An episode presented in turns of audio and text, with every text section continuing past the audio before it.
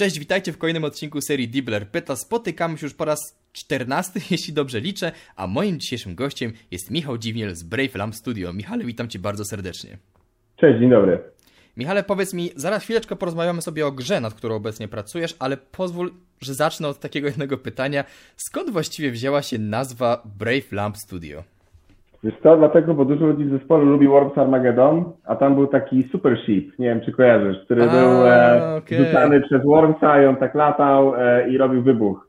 No i Okej. generalnie wymyśliliśmy sobie, że skoro zaczynamy coś nowego i po- podejmujemy dosyć ważny temat, jeżeli chodzi o gry, który Mhm. jest też dosyć ryzykowny, no to trzeba też dużo odwagi, więc połączyliśmy te Wormsy z tą odwagą i tak wyszły, wyszło jagniątko z pelerynką, które jest logo. Kurczę, mogę się domyślić. Dobre, dobre, to mi ta, ta, taka geneza mi się podoba. To, to to jeśli chodzi o studio, a teraz już do, do, do ważnego tematu przejdźmy, czyli do gry, którą pracujecie, która się nazywa War Hospital. To jest taki Tak. e, gra strategiczno-managementowa, taki symulator e, szpitala polowego podczas pierwszej wojny Society. Survival. Society Survival. Lubimy, lubimy to nazywać w ten sposób, bo to jest e, myślę, że taki gatunek, który idealnie określa to, co robimy. Society Sur- Survival, to muszę zapamiętać. A powiedz mi właściwie, jak się w ogóle narodził pomysł na War Hospital? Jak to się zaczęło? Wiesz co, ja nad tym projektem pracowałem już ładnych parę lat e, samodzielnie. Mhm. E, powstało bardzo opasłe GDO. Zleciliśmy koncept arty, który żeby złapać, złapać mu, nawet sobie sam zleciłem z własnych e, środków. Powstał jakiś kawałek muzyczny, który Michał Korniewicz, e, pewnie znany części, części widzów, e, dla nas napisał. I e, na tej podstawie, że tak powiem, został zrobiony taki pitch, tak? I ja e, e, trochę odłożyłem go do szuflady, trochę cały czas o nim gdzieś myślałem, zaczęliśmy robić, rozmawiać z tym zespołem, który powiedzmy był zespołem zarążkowym Brave Lamba o tym, żeby to zrobić, trochę, mm, trochę tak to sobie luźno latało, no i w którymś momencie stwierdziliśmy, dobra, robimy to, skontaktowałem się z Mateuszem Wcześniakiem z Mówi i powiedzieliśmy sobie, no dobra, e, możemy to robić e, wspólnie, no bo takich rozmów oczywiście było kilka, tak, z różnymi partnerami, pod warunkiem, że jakby my jako studio zachowamy tą taką niezależność i jednak chcemy, żeby to była produkcja premium, tak? Czyli Mhm. nie robimy gry z paczek z Asset Store'a, nie robimy e, produkcji, nazwijmy to szybkiej po to, żeby zawojować wishlistę, tak? Mhm. Tak większość teraz ludzi mówi, że ta wishlista jest kluczowa, tylko chcemy zrobić naprawdę produkt e, premium, tak? Który jest e, pełnoprawną grą, e,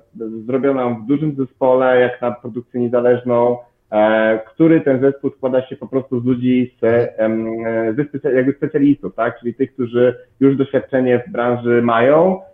Brave Lab myślę, że szczyci się tym, że co do zasady nie zatrudnia juniorów. Tak? Jakby mamy, mamy zespół, który składa się z ludzi, którzy mają w track rekordzie co najmniej jeden zamknięty projekt, jak nie więcej.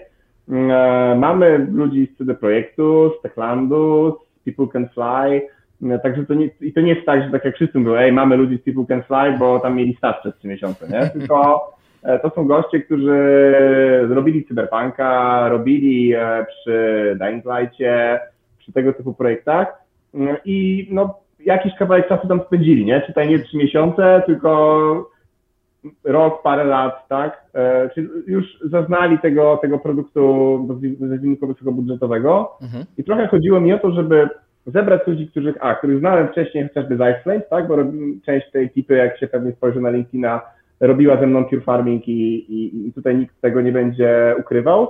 Czyli ten zgrany zespół dopakowaliśmy ludźmi, którzy ro- robili AAA albo przy AAA, albo w okolicach AAA Mhm. i złożyliśmy z tego ekipę, tak. Nas jest w tej chwili 20 osób w firmie, także wydaje się, że O, to to, już, sporo, no. to już nie jest e, garażówka, Mhm. E, Z czego oczywiście część osób jest trochę bardziej poza studiem, część jest z zewnątrz, ale generalnie można powiedzieć, że nad full-time'owo nad projektem pracuje obecnie dwa, dwie dyszki Mhm. pogłowia lambowego, czyli tych owieczek. Em, I, e, I co? No i cały czas rośniemy, tak? Cały czas Mhm. jakoś e, staramy się te akwizycje e, podejmować.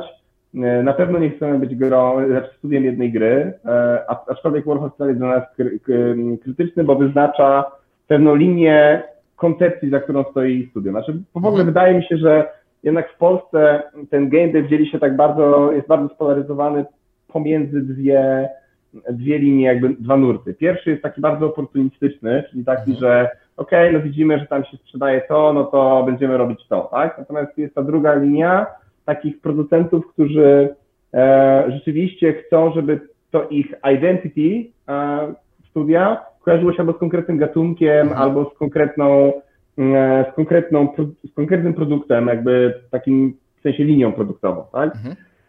Jak to mówią marketingowcy. I Braveland powstał dlatego, że chcemy robić gry o wyborach, trudnych moralnie wyborach, tak? które będą z różnych gatunków, natomiast e, przede wszystkim ta myśl przewodnia to taka, że dotykamy tematów trudnych albo nietypowych.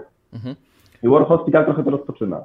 Czyli pozwolę, że tak trochę, troszeczkę porównam, idziecie w podobnym kierunku, w jakim poszedł 11-Bit Studios właśnie? To jest bardzo częste skojarzenie, bardzo nam ono schlebia, ale tak, myślę, że, że trochę tak. O, o tyle pewnie jest różnica, że my się nie, nie, nie chcemy być mocno sfokusowani na grach e, na przykład w życiu izometrycznym, tak jak Eleven Studios na początku to robił. Mhm. E, my się fokusujemy po prostu na tym, że gatunek jest narzędziem do narracji tego, o czym chcemy opowiedzieć. E, to, to może być gra w ISO, to może być FPP, nie mylić z FPS-em.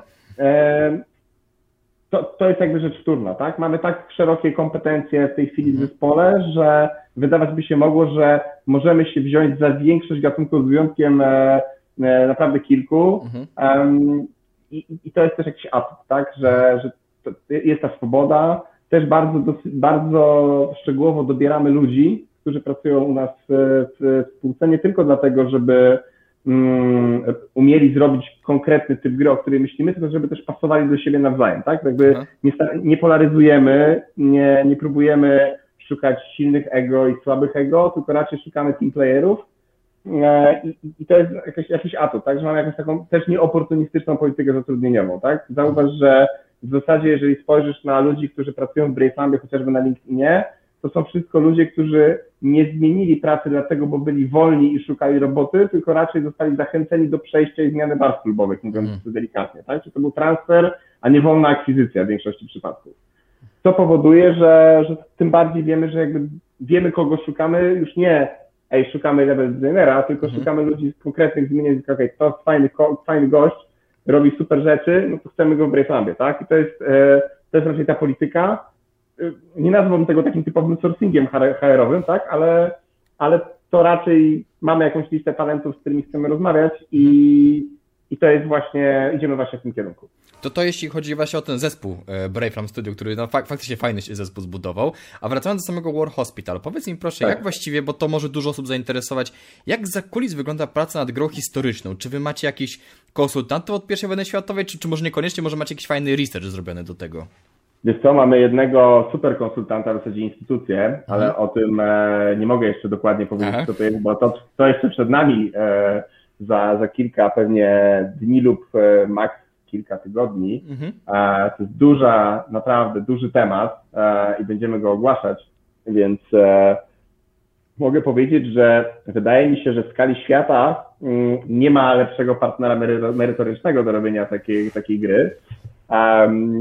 I myślę, że nie, nie będę um, nadymał się mówiąc, że nie ma w skali świata. To współpraca, którą dogrywamy od praktycznie początku istnienia Brave Także jesteśmy o krok przed podpisem finalnego papieru, jakby formalizującego, ale te prace konsultacyjne, takie bardziej zleceniowe, trwały już wcześniej.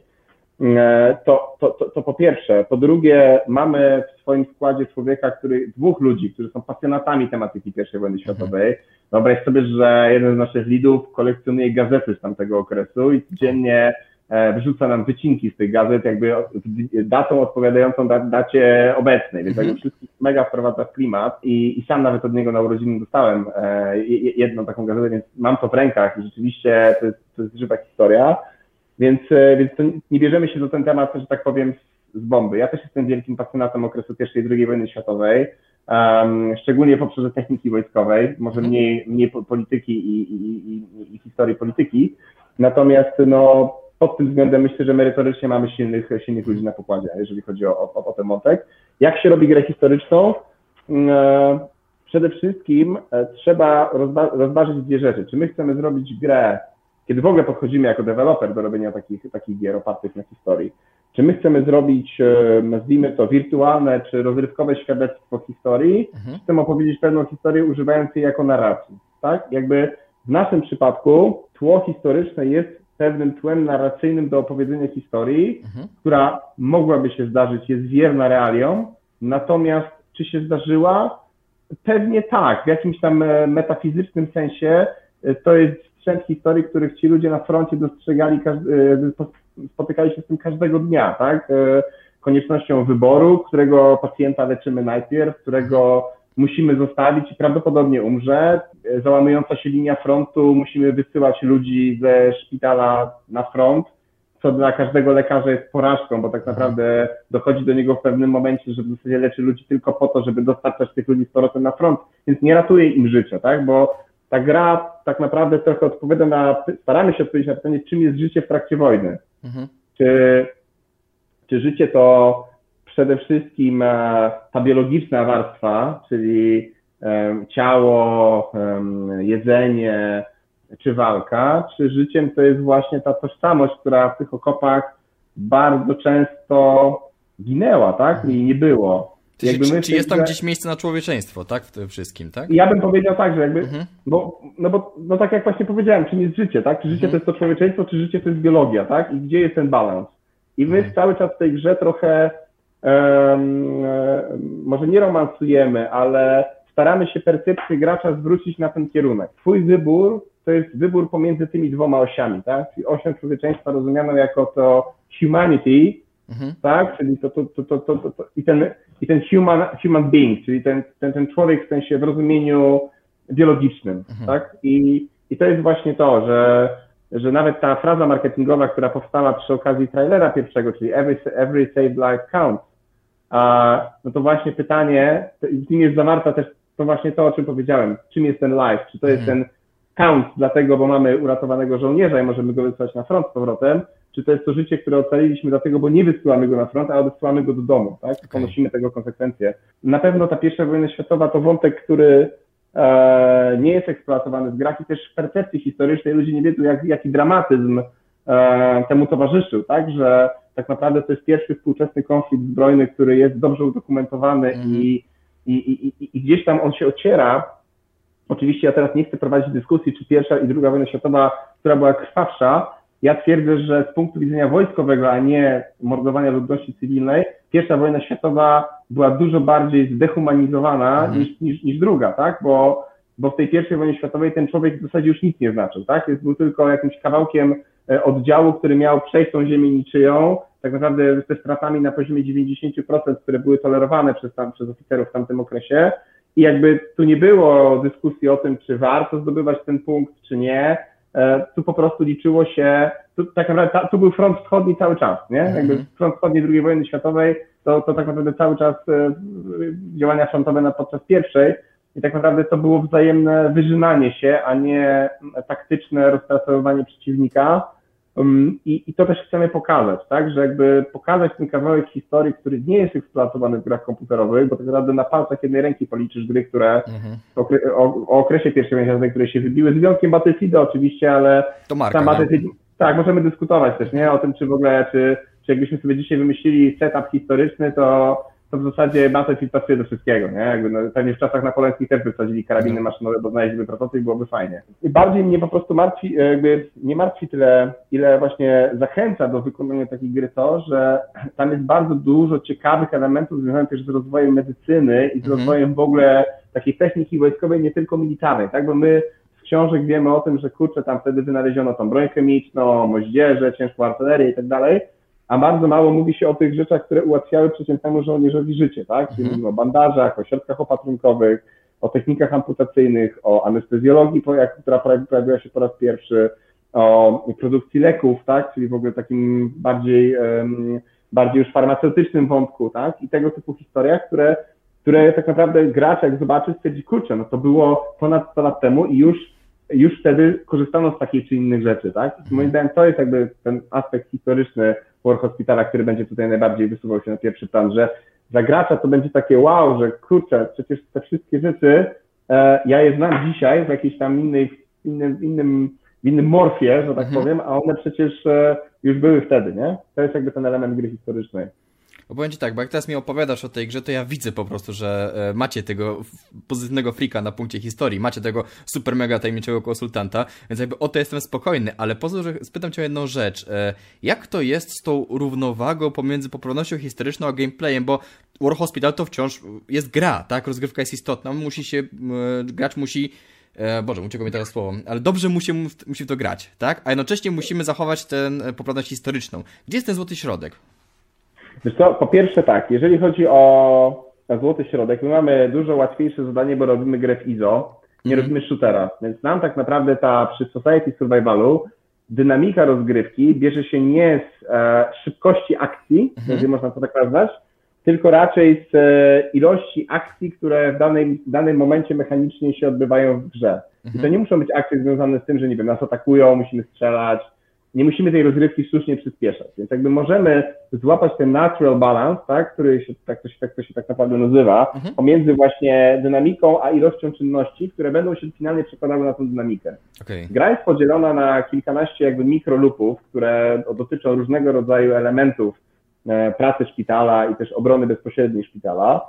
E, I nie zdradzając tutaj za wiele, ten złoty środek leży w tym, że nie potrzebujemy pokazywać graczowi goru, tak, takiego hmm. typowego, związanego z, z leczeniem, tak? Znaczy, to na pewno nie, nie chcemy, żeby ta gra była takim e, e bloody, e, full realistic medical simulatorem, mhm. gdzie po prostu będziemy widzieli tutaj odpadające kończyny, amputacje, bo to nie jest istotne w tej grze. Pokazanie dramatu w Polsce jest takie trochę przeświadczenie, nie? że jakby nawet jak widzimy polskie filmy, tak, różnego rodzaju, że kurczę, no jakby jeżeli chcemy pokazać dramaty, dramaturgię, to najlepiej tam pokazać, jak kogoś świartują na kawałki, później tam matka tego kogoś idzie do psychiatryka i w ogóle to jest taki mega fajny dramat, nie? Że jakby zbudowany po prostu tak atmosferycznie, tak?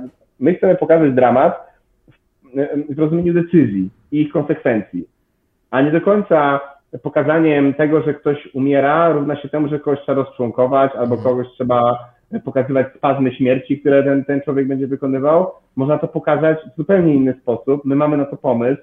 E, bardzo dużą rolę w naszej grze, to mogę zdradzić, będzie grało tak zwane morale i mhm. zdarzenia, które się będą działy w takim świecie globalnym wokół tych morale, to będzie nie tylko mm, stan szpitala, to będzie muzyka, to co mówią ludzie, ich nastrój odpowiednio zilustrowany.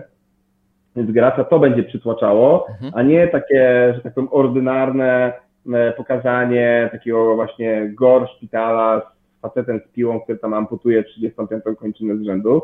Nie chcemy tego. I jakby ta prawda historyczna nie zawsze musi być odwzorowana w takim rozumieniu jeden do jednego, mhm.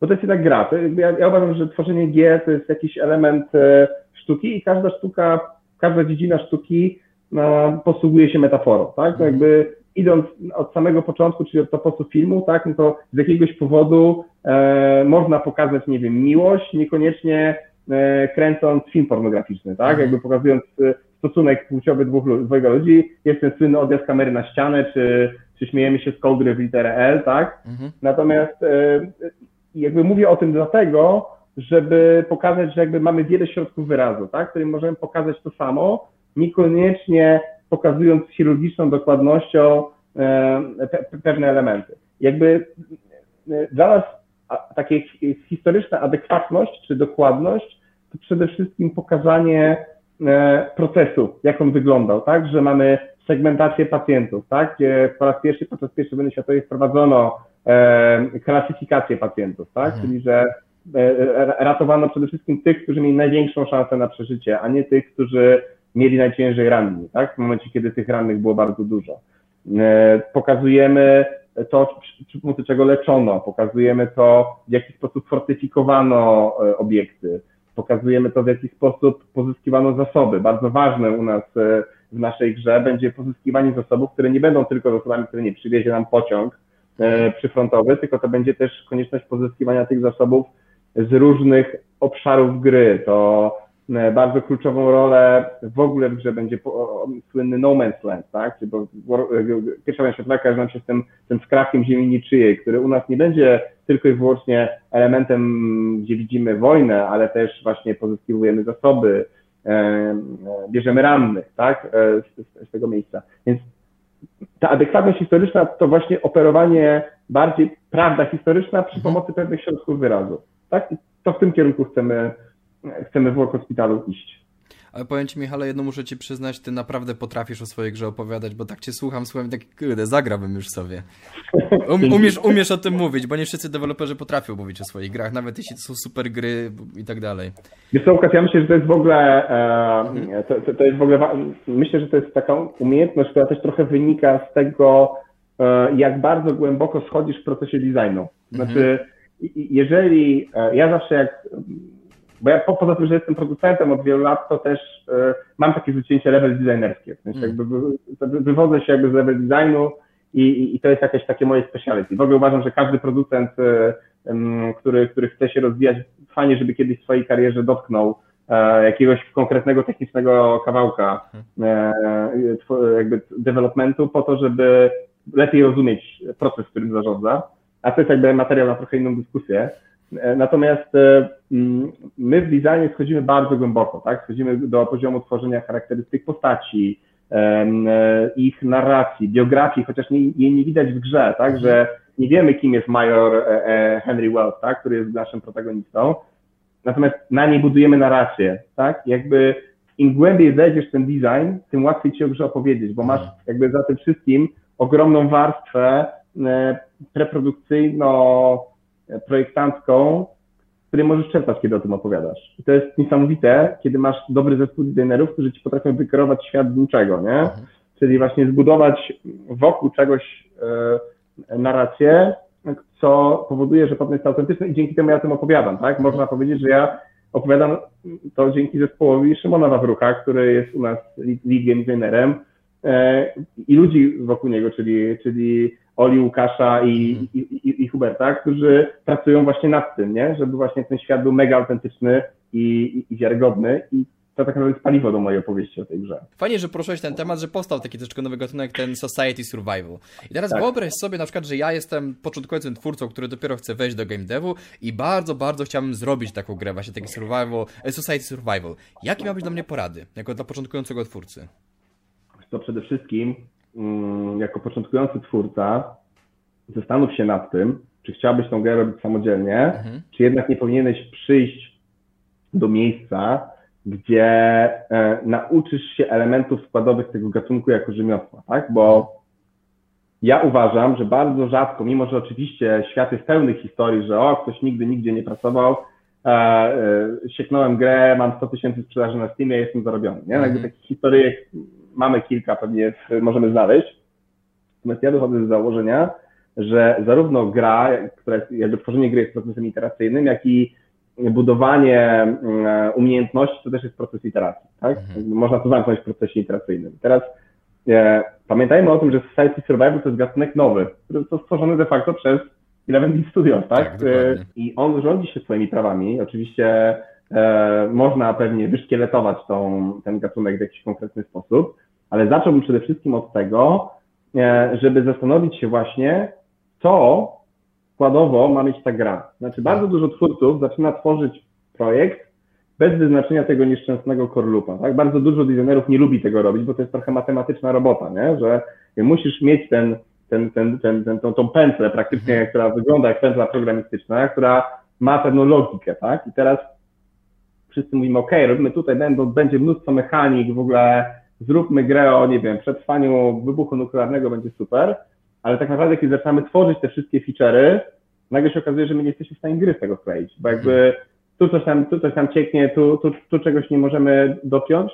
ja twierdzę, że najważniejszą rzeczą dla początkującego twórcy, jeżeli już naprawdę uznaje, że on się tam brzydzi komercją, nie chce e, iść do studia, które już produkuje komercyjnie gry, tylko chce zrobić coś samemu, to zacznijmy od tego, że zanim wybierzemy, czy to będzie Unity, czy to będzie Unreal, czy cokolwiek innego, trzeba usiąść na kartce, narysować, znaczy nie usiąść na kartce, usiąść przed kartką i narysować core lub tej gry. Mhm. Czyli co tak naprawdę jest tym powtarzalnym replayability experience dla gracza i czy to jest dla niego fajne. Bo ja twierdzę, że kartka to jest najlepsza konfrontacja do wszystkich pomysłów, jakie mamy w zakresie game designu.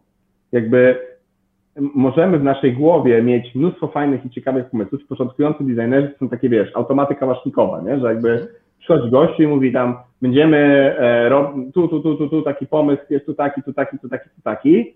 Zawsze jak mam junior designerów, to mówię, dobra, poczekaj, zrób dokumentację. Mhm. I zaczynają się schody, bo trzeba rozpisać ten pomysł nie tylko w obszarze, to ma tak działać, taki jest jakby architektura tego, tej, tej, tego, tego feature'a, ale przede wszystkim, gdzie jest to reparability, gdzie jest ten, ten, ten player experience, nie? I, I czy on jest powtarzalny, czy jego, można go powielić, jak go modyfikować i od, bo powstanie pomysłu na feature to jest, wiesz, 5 minut, nie? Odpalasz Google Doca, robisz dwie kartki A4, jest super, nie? Tylko potem musisz ten klocek wziąć i go wpasować w ten, e, tego, tego jakby general loopa gry. Mhm. I to jest najtrudniejsze. I to jakby oddziela początkujących designerów od tych, od tych e, doświadczonych. Ja zawsze mówię, że czym się różni doświadczony designer od, od juniora, że doświadczony designer przede wszystkim krytykuje, a junior to przede wszystkim wytwarza, nie? Że jakby e, ten, ten, ten, ten, ten senior jakby kiedy napisze coś mhm. i przemyśli, to on jest już przyzwyczajony do tego, że on wywala 90% swoich pomysłów do kosza. I to jest jakby dla niego to jest normalne, mhm. tak? A dla juniora powstaje feature, ja go bronię jak Częstochowy mhm. przed sprzedami, mówi, kurczę, to jest tak świetne, no gdzie tutaj mi krytykują wszyscy ludzie, zadają mi jakieś pytania bez sensu, przecież to trzeba wdrożyć. Jasne. Jakby ja uczulam przed tym, że na napisanie gry, w sensie na stworzenie gry w silniku zawsze jest czas. Jakby to jest element, który jest, kosztuje czas i pieniądze, mhm. a uważam, że dobry pomysł i przemyślany pomysł kosztuje przede wszystkim czas. Mhm. I ja bym powiedział każdemu początkującemu twórcy, rozpisz to, co chcesz przekazać tą grą, znajdź korlupa na kartce, a dopiero potem myśl o prototypie. Bo jeżeli ta gra ci się nie składa na kartce, to ona ci się nie złoży w silniku w sposób mistyczny bardzo dużo ludzi popełnia ten błąd. Dobra, ten korol tak średnio, mhm. ale tam dowalimy feature'ów, będzie super, nie? Tylko na koniec dnia, no nie jest super. Nigdy nie jest super. Bo jakby na samym końcu proces tworzenia gry polega na tym, że kiedy weźmiemy sobie dowolny projekt, jaki sobie, nie wiem, czy dowolną grę, jaką znajdziesz na Steamie, mhm. i zaczniemy z niej wywalać te wszystkie, nie wiem, craftingi, e, ekspienie postaci, nie wiem, zmienną pogodę, dzień, noc, jakieś super feature'y związane z achievementami, mega fajne animacje, tam nie wiem, otwierania drzwi i tak dalej, to zawsze na koniec musicie dostać ten core loop, ta, ta, ta, ta podstawowa mechanika. W grze o strzelaniu najważniejsze jest strzelanie. W grze o zarządzaniu szpitalem polowym najważniejszy jest szpital polowy i to, co w szpitalu polowym robisz. I to, że będziemy mieli miliard różnych efektów które, czy które będą to ubogacać, one nie zastąpią tej esencji. Nigdy. I jakby to musimy zawsze pamiętać, nie? że jeżeli robimy symulator, nie wiem, placu budowy, najważniejsze jest budowanie budynku, a nie to, czy jeździ się fajnie ciężarówką, która ten plac budowy buduje. To jest wtórne. Najważniejsze jest to, że ten budynek ma fajnie podstawać i się super budować, bo gracz zawsze w percepcji, i to jest normalne, tak, bo gracz jakby w percepcji zawsze ten core loop znajdzie, bo tak, tak funkcjonują gry, tak? Mhm i to, że ty mu pokażesz super fizykę w, w symulatorze budowania budynków cysterny, która dowozi beton, on powie, no okej, okay, fajnie, tylko że na koniec dnia no słabo się ten beton wylewa. Mhm. Jakby to, tu jest ten pies pogrzebany, nie? Że jakby e, bardzo często, szczególnie ludzie, którzy zaczynają tworzyć gry, skupiają się na feature'ach, które są jakby efektem core loopa, a mhm. nie, a nie przyczyną do jego powstania, nie? Jakby bardzo często my w Bravelambie nawet sami się łapiemy na tym, po tylu latach doświadczenia, że chcemy, nie wiem, zrobić jakiś fajny tam y, zajobongo wizualne, a nagle okazuje się, że no dobra, ale my musimy tutaj, wiesz, vertical slice'a dokończyć i jakby wie, jesteśmy kilka tygodni przed zamknięciem i bardzo widać ten proces, nie? że jakby mamy mnóstwo rzeczy w backlogu, które chcemy e, wdrożyć, ale one nie są potrzebne do vertical slice'a, więc one poczekają. Mhm. Jakby to, i to trzeba bardzo się kontrolować przed tym, nie? Jakby tak samo jak zaczynasz tworzyć projekt takiego Society Survivala, to zacznij od tego, co chcesz tej grze przekazać korowo, czyli mhm. gdzie jest Society Survival. Słuchajcie, i to są fajne rady game designerskie. Musicie wujka Michała słuchać. Tak, tak. Nie, bardzo, nie, bardzo, bardzo, bardzo, bardzo mądrą rzecz powiedziałeś. A powiedz, powiedz mi proszę, na sam koniec mam to moje ulubione pytanie na rozluźnienie, już tak? tak. E, wyobraź sobie hipotetyczną sytuację, że zamykają cię w izolatce na pełen rok, ale możesz wziąć ze sobą trzy gry. I jakie to są gry? O, to będzie bardzo, bardzo fajne pytanie i ono będzie totalnie rozjechane. Dobrze. Będą sobie bardzo, bardzo rozjechane. Więc tak, pierwszą grą, którą bym e, wziął, to jest Jedi Knight 3 Jedi Academy. Kiedyś, kiedyś grałem w klanie e, Jedi Knighta trójki i generalnie e, gdzieś tam otarłem się o nieoficjalne wicemistrzostwo Polski, więc to jest coś, co na pewno ta gra jest jakby sentymentalnie bliska mm. mojemu sercu. Drugą grą to również Gwiezdne Wojny, Empire is War, czyli RTS w świecie Gwiezdnych Wojen jest przez wielu uznawany za stosunkowo nie średni, ale mhm. uważam, że jakby klimatycznie oddaje to, e, czym, czym ta gra być powinna. E, no i pewnie politycznie poprawnie trzeba powiedzieć, że War Hospitala bym wziął. dobrze, patrzcie, reklamuję do końca, dobrze, dobrze. A tak, a tak jeszcze, jeżeli bym dodał, to by, by, musielibyśmy wyjąć tego War Hospitala, mhm. to powiem Ci szczerze, że wziąłbym chyba Pure Farming 2018, bo jednak, e, jednak ta gra to prawdziwy krew pod user game devu i rzeczywiście duży projekt na trzy platformy, moja pierwsza gra na konsolę, e, w którą do dzisiaj chętnie zagram, tak, że mhm. Śmiejemy się nawet jak dodajemy w War Hospitalu na przykład krowę, która e, chodzi obok pola, myślałem, kurczę, może jednak zrobimy to oranie, nie? Że jakby albo kultywację gleby, tak? E, więc, e, więc tutaj e, bardzo dużo wspomnień, no i też dzięki temu ten zespół się ukonstytuował, mm -hmm. tak? Że jakby te ci korowi ludzie, czyli Szymon, Grzegorz, Michał Korniewicz, to są wszystko ludzie, którzy przy Pure Farmingu pracowali i, i wydaje mi się, że to jest niezła gra poza wszystkim. Jak na, jak na te warunki i te możliwości, które mieliśmy wtedy, E, to, to, to naprawdę świetny, świetny projekt. E, I, I, myślę, że wziąłbym, tak? Bo to zdarzem się odpalić i tak z sentymentem, łezką wokół na to popatrzeć. Poza tym taka gra na pewno zapewni ci masę godzin, tak? Żebyś mógł zabić ten czas w tej izolatce. Tak są, jest, tak jest. To słuchaj Michale, to ja bym Ci chciał strasznie podziękować za to, że znalazłeś czas na tę rozmowę, że nam opowiedziałeś i o zespole, który pracuje nad Warhol Hospital i o samej grze, na którą, za którą trzymamy kciuki i czekamy i przede wszystkim miałeś takie fajne e, rady dla e, początkujących game designerów, bo to naprawdę chciałbym, żeby w ogóle te wywiady były czymś takim, że jeśli chociaż jedna osoba po tym wywiadzie go obejrzy i poprawi też trochę swój game design i wejdzie do tego game devu, to ja myślę, że wykonaliśmy swoją robotę, słuchaj. Też mi się tak wydaje. Najważniejsze jeszcze ostatnio, że ostatnie mhm. zdanie, które chciałbym powiedzieć dla tych właśnie początkujących ludzi, nie bójcie się pytać. Mhm. Znaczy, ja wiem, że w internecie jest bardzo dużo ludzi, którzy mają bardzo wysokie ego i, i potrzebują jakby czasami zhejtować pomysł, ale naprawdę jest też cała masa ludzi, która pamięta te czasy, kiedy sama stawiała pierwsze kroki, pierwsze potknięcia, każdy ma w track mhm. rekordzie jakiś fuck up no i to jest, i to jest, to jest normalne E, jeżeli ktoś pyta, to już robi ten pier... nie ma głupich pytań, naprawdę. Mhm. Jakby e, najgłupsze pytania to te, które nie zostały zadane. I to jest, to, to, to, to jest, to jest najważniejsze. I, i żad... nawet jeżeli wam się wydaje, że to jest niestosowne, bo na przykład nie, nie wiecie, jak przesuwać obiekt z Unity, trudno, no zadajcie to pytanie, e, trzy osoby was zhejtują za to, ale czwarta wam wskaże rozwiązanie. Mhm. I, i, to, I niestety trzeba przeżyć, każdy był juniorem kiedyś. I naprawdę wam polecam, nie bójcie się tego, bo, na, bo zawsze znajdą się ludzie, którzy będą chcieli pomóc. Jestem przekonany o tym. No, to też jest bardzo fajna rada, zwłaszcza, że kiedyś był u mnie e, Greg Bonikowski, też taki indie game designer. Ja mam identyczną radę, właśnie, żeby nie, nie bać zadawać pytań. Więc słuchajcie, jak już druga osoba mi to mówi, to już chyba coś tym musi być. Dokładnie. Dobrze. To Michale, jeszcze raz bardzo Ci dziękuję za to, że e, znalazłeś czas na ten wywiad. E, słuchajcie, moim gościem był Michał Dziwny z Bravlam Studio. Michale, dziękuję Ci bardzo. Dziękuję serdecznie, kłaniam się.